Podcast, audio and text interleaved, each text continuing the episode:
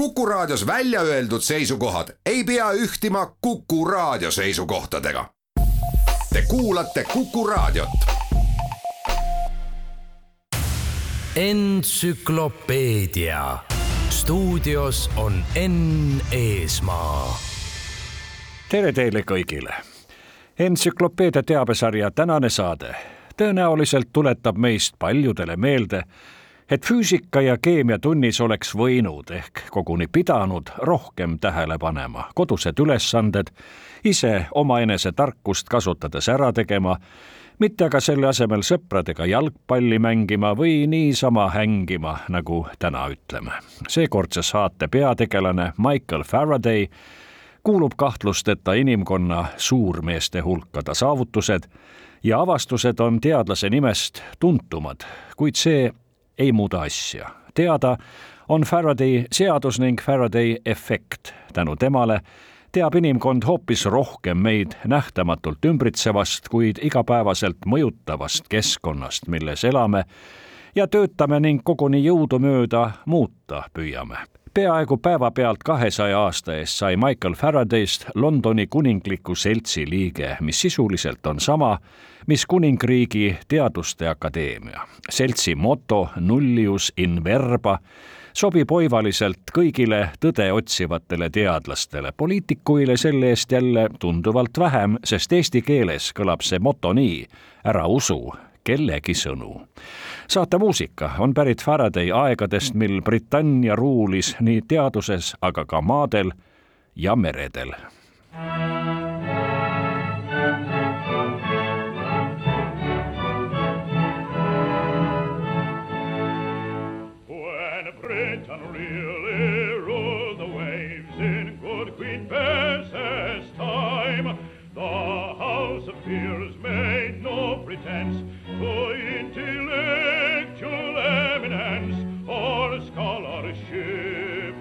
sublime. Yet Britain won her proudest base in good Queen Bess's glorious days.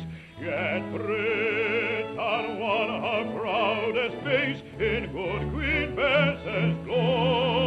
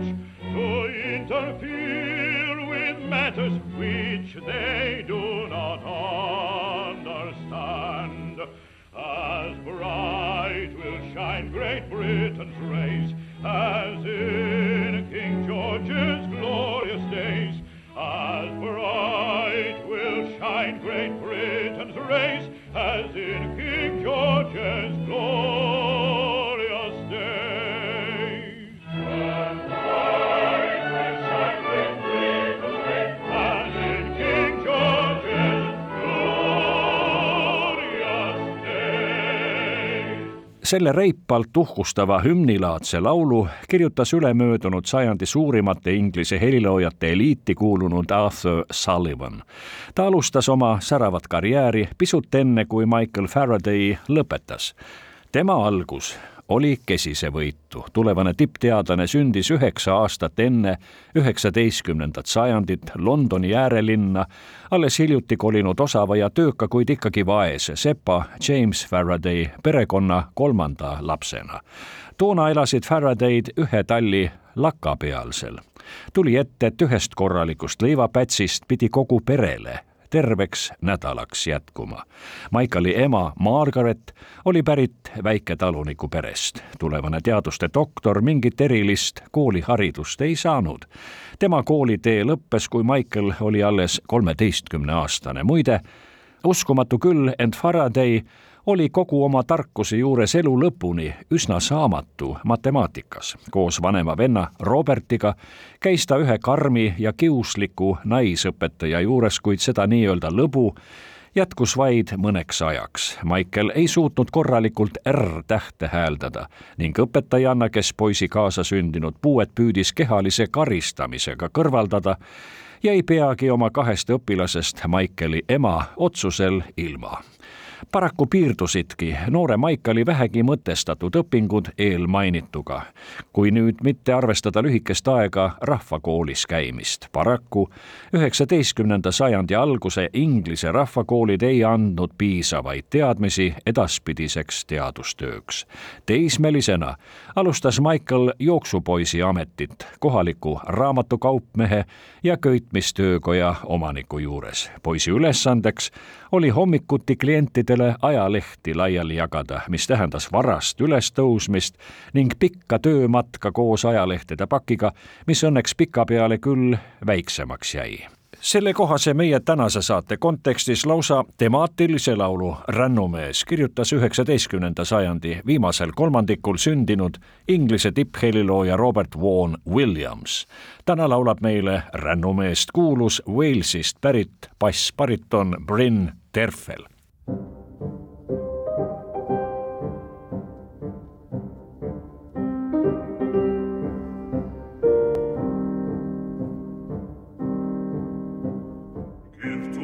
life I love, It's the label buy me. In the joy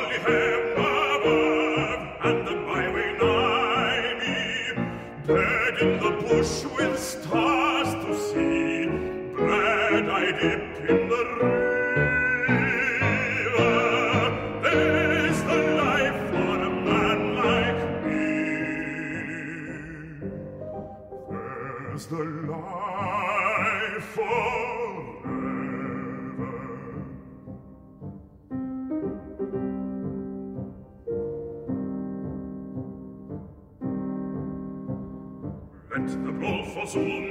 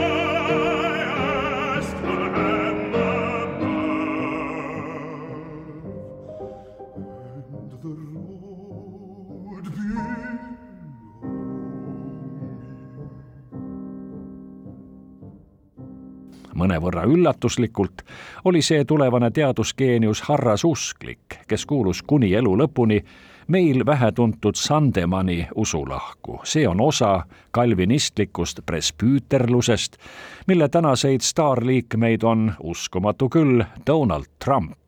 kohe seletan, miks ma nii uljalt ütlesin. sandemanlaste elu moto tundub kahe jalaga maa peal müttavale tavainimesele kahtlasevõitu, küll Jumal muretseb. selle omamoodi fatalistliku elukäsitluse tõttu ei saanud Michael Faraday'st kunagi rikast meest, kuigi võimalusi tal selleks oli pillavalt palju. ei, Sandemani inimesed raha ega muid rikkusi nii-öelda mustadeks päevadeks ei korja ega varu. seepärast see mõnevõrra liialdatud imestus raharikka Donald Trumpi kuulumisest presbüüterlaste hulka.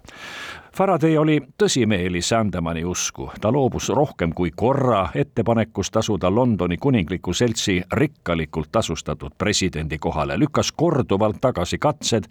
Teda rüütli seisusesse tõsta, sest Faraday arvates ei käinud see kokku ei piibli ega Sandemanide õpetustega. selline elufilosoofia oleks Kremli ideoloogide arvates võinud oivaliselt sobida tavalistele Nõukogude inimestele, kes küll pidevalt näguripäevi nägid, kuid elasid usus, et küll partei kõige eest hoolt kannab ja muretseb. paraku lajatas juba isake Marx, et usk on oopium rahvamassidele Michael Faraday oli hoolas ja töökas, peagi sai temast õpilane raamatukaupmehe trükikojas. põhitööst vabal ajal süvenes Michael raamatute lugemisse.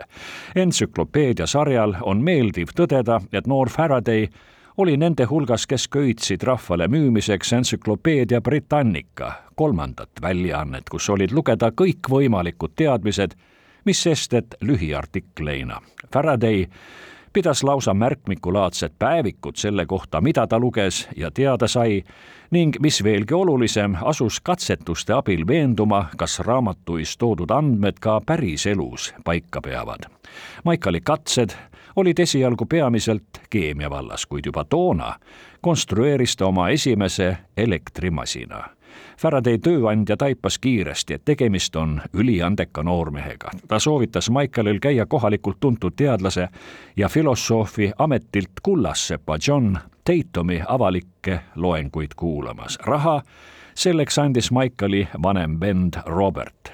Tatumi kodus käisid koos ning arutasid paljudel teemadel mõnedki teadusest huvitunud noored. nii poolkogemata ja aegamisi algas tulevase tippkeemiku ja füüsiku, elektromagnetismi ning elektrokeemia teoreetiku ja väsimatult eksperimenteeriva praktiku tee teaduse tippude poole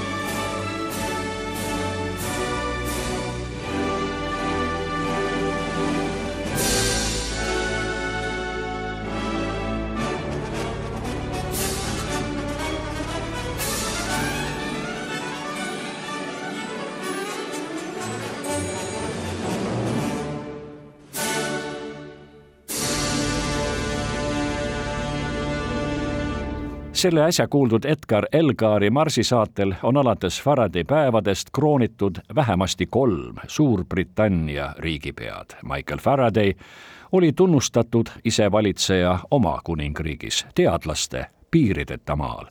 tema järgi on nimetatud elektrimahtuvuse ühik farad. Faraday pilt kaunistas aastatel tuhat üheksasada üheksakümmend üks kuni kaks tuhat üks Briti kahekümnenaelase rahatähe B poolt, otsekui oleks tegemist kuningliku tippesindajaga. rahatähe A pool oli loomulikult kuninganna päralt. Faraday sõnastas elektrolüüsiseadused, esimesena hakkas ta kasutama termineid katood, elektrood, ioon, elektrolüüt ja elektrolüüs. kuigi paljudele meist kõlavad kõik need lennukad sõnad otse kui heebrea keel, tahan siiski veel küllale killukese lisada, meenutades, et Michael Faraday avastuste hulka kuuluvad ka diamagnetism ja paramagnetism. kõigi aegade üheks suuremaks eksperimentaatoriks kutsutud Faraday avastas korduvate katsete tagajärjel elektromagnetilise induktsiooni nähtuse. selle sinase nähtuse põhjustatud elektrivoolu teame, tunneme ja iga päev kasutame kui induktsioonivoolu. pealegi oli see küll esimene, kuid ometi otsustav samm elektrimootorite väljatöötamiseks. ent suuresti tänu Faradayle sõidame iga päev ringi bensiini kasutavates autodes. Faraday suutis katsete tulemusena juba aastal tuhat kaheksasada kakskümmend viis õlistest jääkidest isoleerida ja identifitseerida kõrge oktaaniarvuga benseeni, mis teatavasti on bensiini oluline koostisosa. ning see pole kaugeltki veel Faraday leiutiste ja avastuste kogu nimekiri. Faraday poolt rajatud teele asusid hiljem Edison, Siemens, Tesla ning Westinghouse, kes tegid otsata palju me tänase maailma kujundamisel mugavaks ja ratsionaalsemaks üheksateistkümnendal sajandil teatud objektiivsetel põhjustel veel Nobeli preemiaid välja ei antud. dünamiidi kuningas Alfred Nobel oli alles isegi oma rikastumise algfaasis. ometi valiti Michael Faraday juba aastal tuhat kaheksasada kolmkümmend kaheksa Rootsi Kuningliku Teaduste Akadeemia välisliikmeks ning kaks aastat hiljem koguni eliitteadlaste klubi Ameerika Filosoofia Seltsi auliikmeks. mõlemal pool ookeani tunti ja peeti juba toona lugu mõnegi inglise helilooja loomingust. üks nendest väljavalituist oli Sir Hubert Parry. tema loodud hümnilaadset koorilaulu eelistas ametlikule Suurbritannia hümnile God Save the King koguni kuningas George Viies.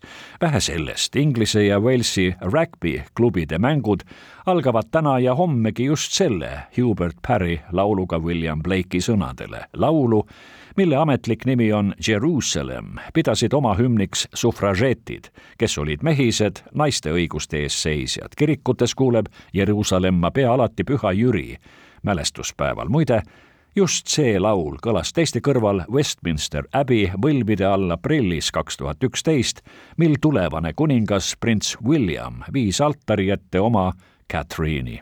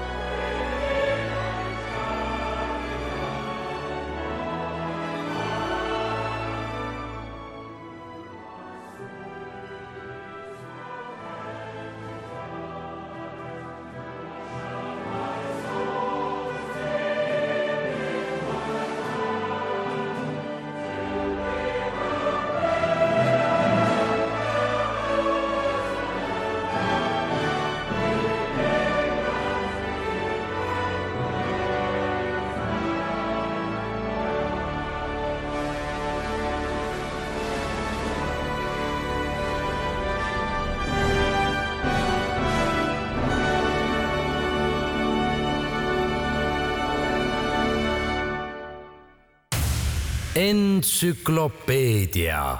stuudios on Enn Eesmaa Michael Faraday'l oli ennekõike nooruses, kuid ausalt öeldes ka hiljem kõvasti õnne, sest tema eluteele sattusid teda suuresti ja heatahtlikult aidanud inimesed. kahekümne üheselt hakkas Faraday käima Sir Humphrey Davy loengutel Suurbritannia kuninglikus instituudis. igaks juhuks lisan, et Humphrey Davy oli geniaalne briti keemik, kes avastas ja eraldas mõned olulised keemilised elemendid naatriumi, baariumi, kaltsiumi, kaaliumi ning magneesiumi. elektrokeemia rajajate hulka kuulunud Davy tõestas, et kloor on samuti element.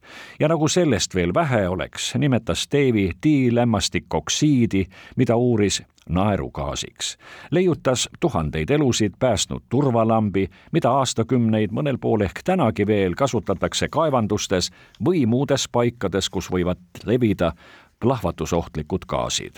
Faraday õnneks läks Dave'il peagi vaja oskuslikku abimeest, et oma katsetusi läbi viia. Sir Dave'il juhtus õnnetus, mis tugevasti kahjustas teadlase nägemismeelt. sedaviisi alustas Michael Faraday oma ühtekokku viiskümmend kaks aastat väldanud tööd ja teenistust Kuninglikus Instituudis. üsna koostöö alguses kutsus äsja rüütliks löödud Humphrey Davy koos oma naisega Faraday'd ühinema pikemal töö- ja esindusmatkal Manner-Euroopasse. oma päevikusse kirjutas Faraday reisi alguses nii täna hommikul algab uus ajajärk minu elus, nii palju kui mäletan, ei ole ma seni kunagi pääsenud kaugemale kui kaksteist miili Londonist. üheksateistkümnenda sajandi inglise helilooja Frederick Delius kirjutas suure hulga head muusikat. üks ta helindeist oli pühendatud suurele maailmalinnale Pariisile, kus noor Faraday koos oma tööandjaga esimese pikema peatuse nende Euroopa reisil tegi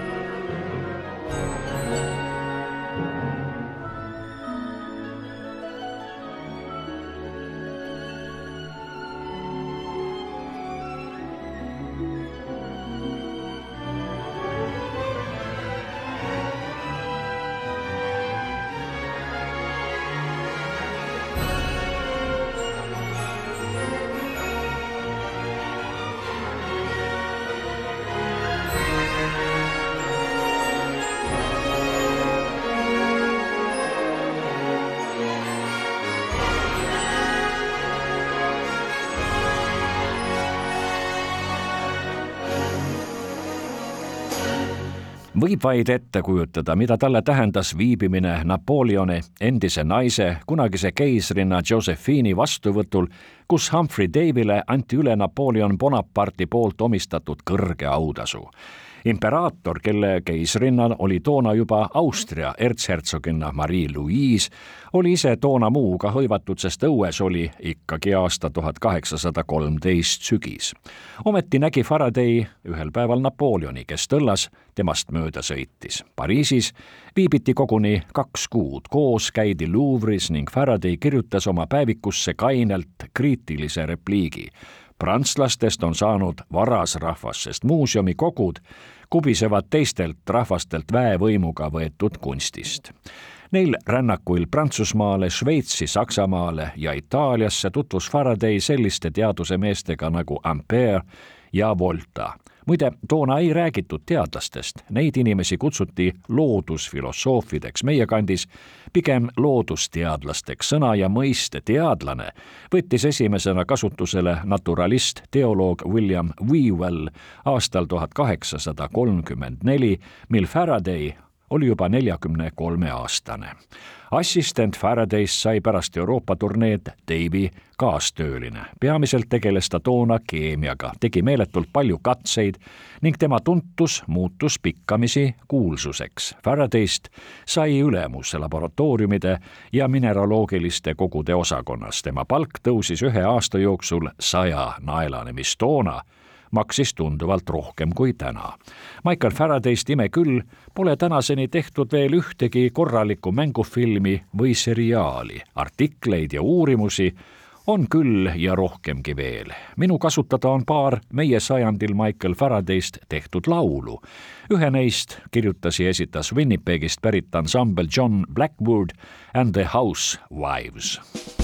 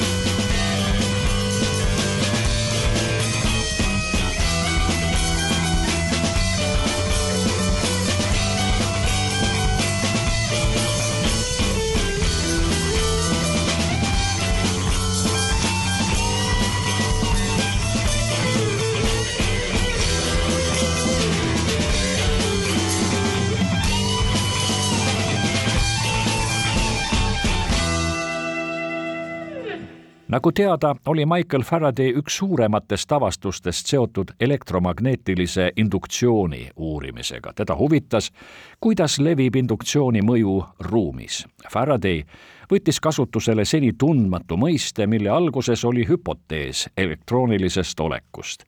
oma päevikusse kirjutas ta nii, kui traadisse mõjub volt elektriline või magnetoelektriline induktsioon, siis näib, nagu oleks ta erilises olekus. ta takistab elektrivoolu tekkimist, mida tavalistel tingimustel pole märgata. kui see mõju lakkab, tekitab temas üks jõud elektrivoolu, jõud, mida tavaliselt traadis pole. see mateeria elektriline olek on veel tundmata, kuid tõenäoliselt etendab see tähtsat osa mitmesuguste nähtuste juures. julgen seda olekut nimetada elektrotooniliseks olekuks. selle oleku põhjuseks on induktsioon ning see lakkab kohe, kui kõrvaldada indutseeriv jõud. hea kuulaja juhul kui te äsja kõlanud ja ligi kahe sajandi eest kirja pandud tsitaadist vaid tükati aru saite, lubage teid õnnitleda, et valisite omale elukutseks midagi muud, mitte aga teadlase tööd elektrokeemia või elektromagnetismi vallas ehk mõjub lohutusena ka see fakt, et kõik oma kuulsad uurimused teostas matemaatikas nõrgavõitu Faraday ilma siinuse ja koosinuseta, ilma kõrgema matemaatikata. osaliselt seetõttu jätan pikemalt kommenteerimata Faraday efekti, Faraday seaduse ning Faraday elektrolüüsi seadused. laupäeva õhtupoolikul pole kõige tervislikum sattuda alaväärsuskompleksi küüsi või enesehaletsuse lainele. ütleme lihtsalt nii, tänu taevale oli olemas selline geenius nagu Michael Faraday, kes tahtis ja suutis teadust otsekui elektromagnetiga kogu inimkonna hüvanguks edasi arendada.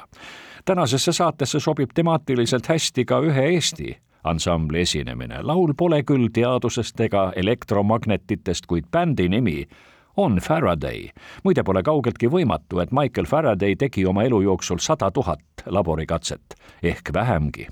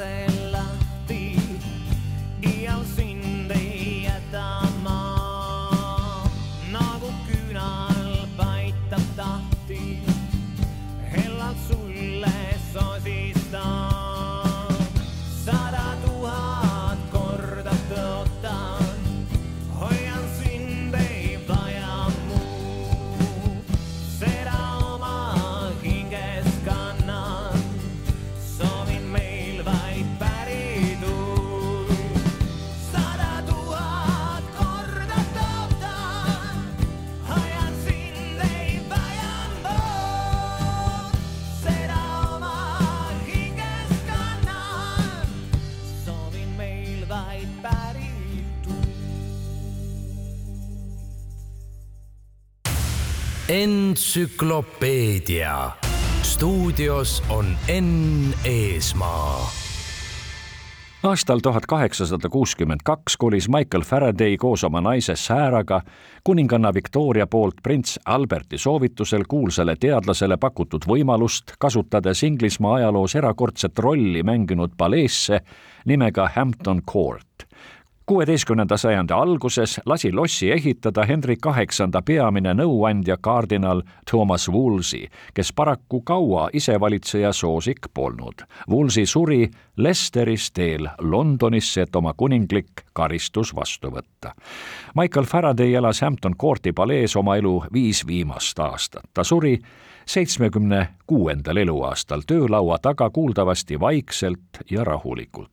oma usuliste veendumuste tõttu keeldus Faraday võimalusest olla maetud Westminster Abbey inglastele pühade võlvide alla. suur teadlane, kolme kuulsa õppeasutuse Oxfordi, Cambridge'i ja Praha ülikooli doktor Michael Faraday on maetud Highgate'i kalmistule Põhja-Londonis. tema hauda tähistab tagasihoidlik vähimagi toreduseta hauakivi. Saate lõpetab veel ühe üheksateistkümnenda sajandi tuntud inglise helilooja Charles Stanfordi koorilaul, mida tavaliselt esitatakse kiriklikel jumalateenistustel head kuulamist ja kuulmiseni nädala pärast, siis keskendub entsüklopeedia saatesari jälle korraks ja vahelduseks maailma muusikaklassika poole. see saade lähtub ühest kirjast, mille Edward Kriegile peaaegu päevapealt saja viiekümne aasta eest kirjutas Per Günti asjus Hendrik Ibsen. tänase saate lõpus kõlab Charles Stanfordi koorilaul.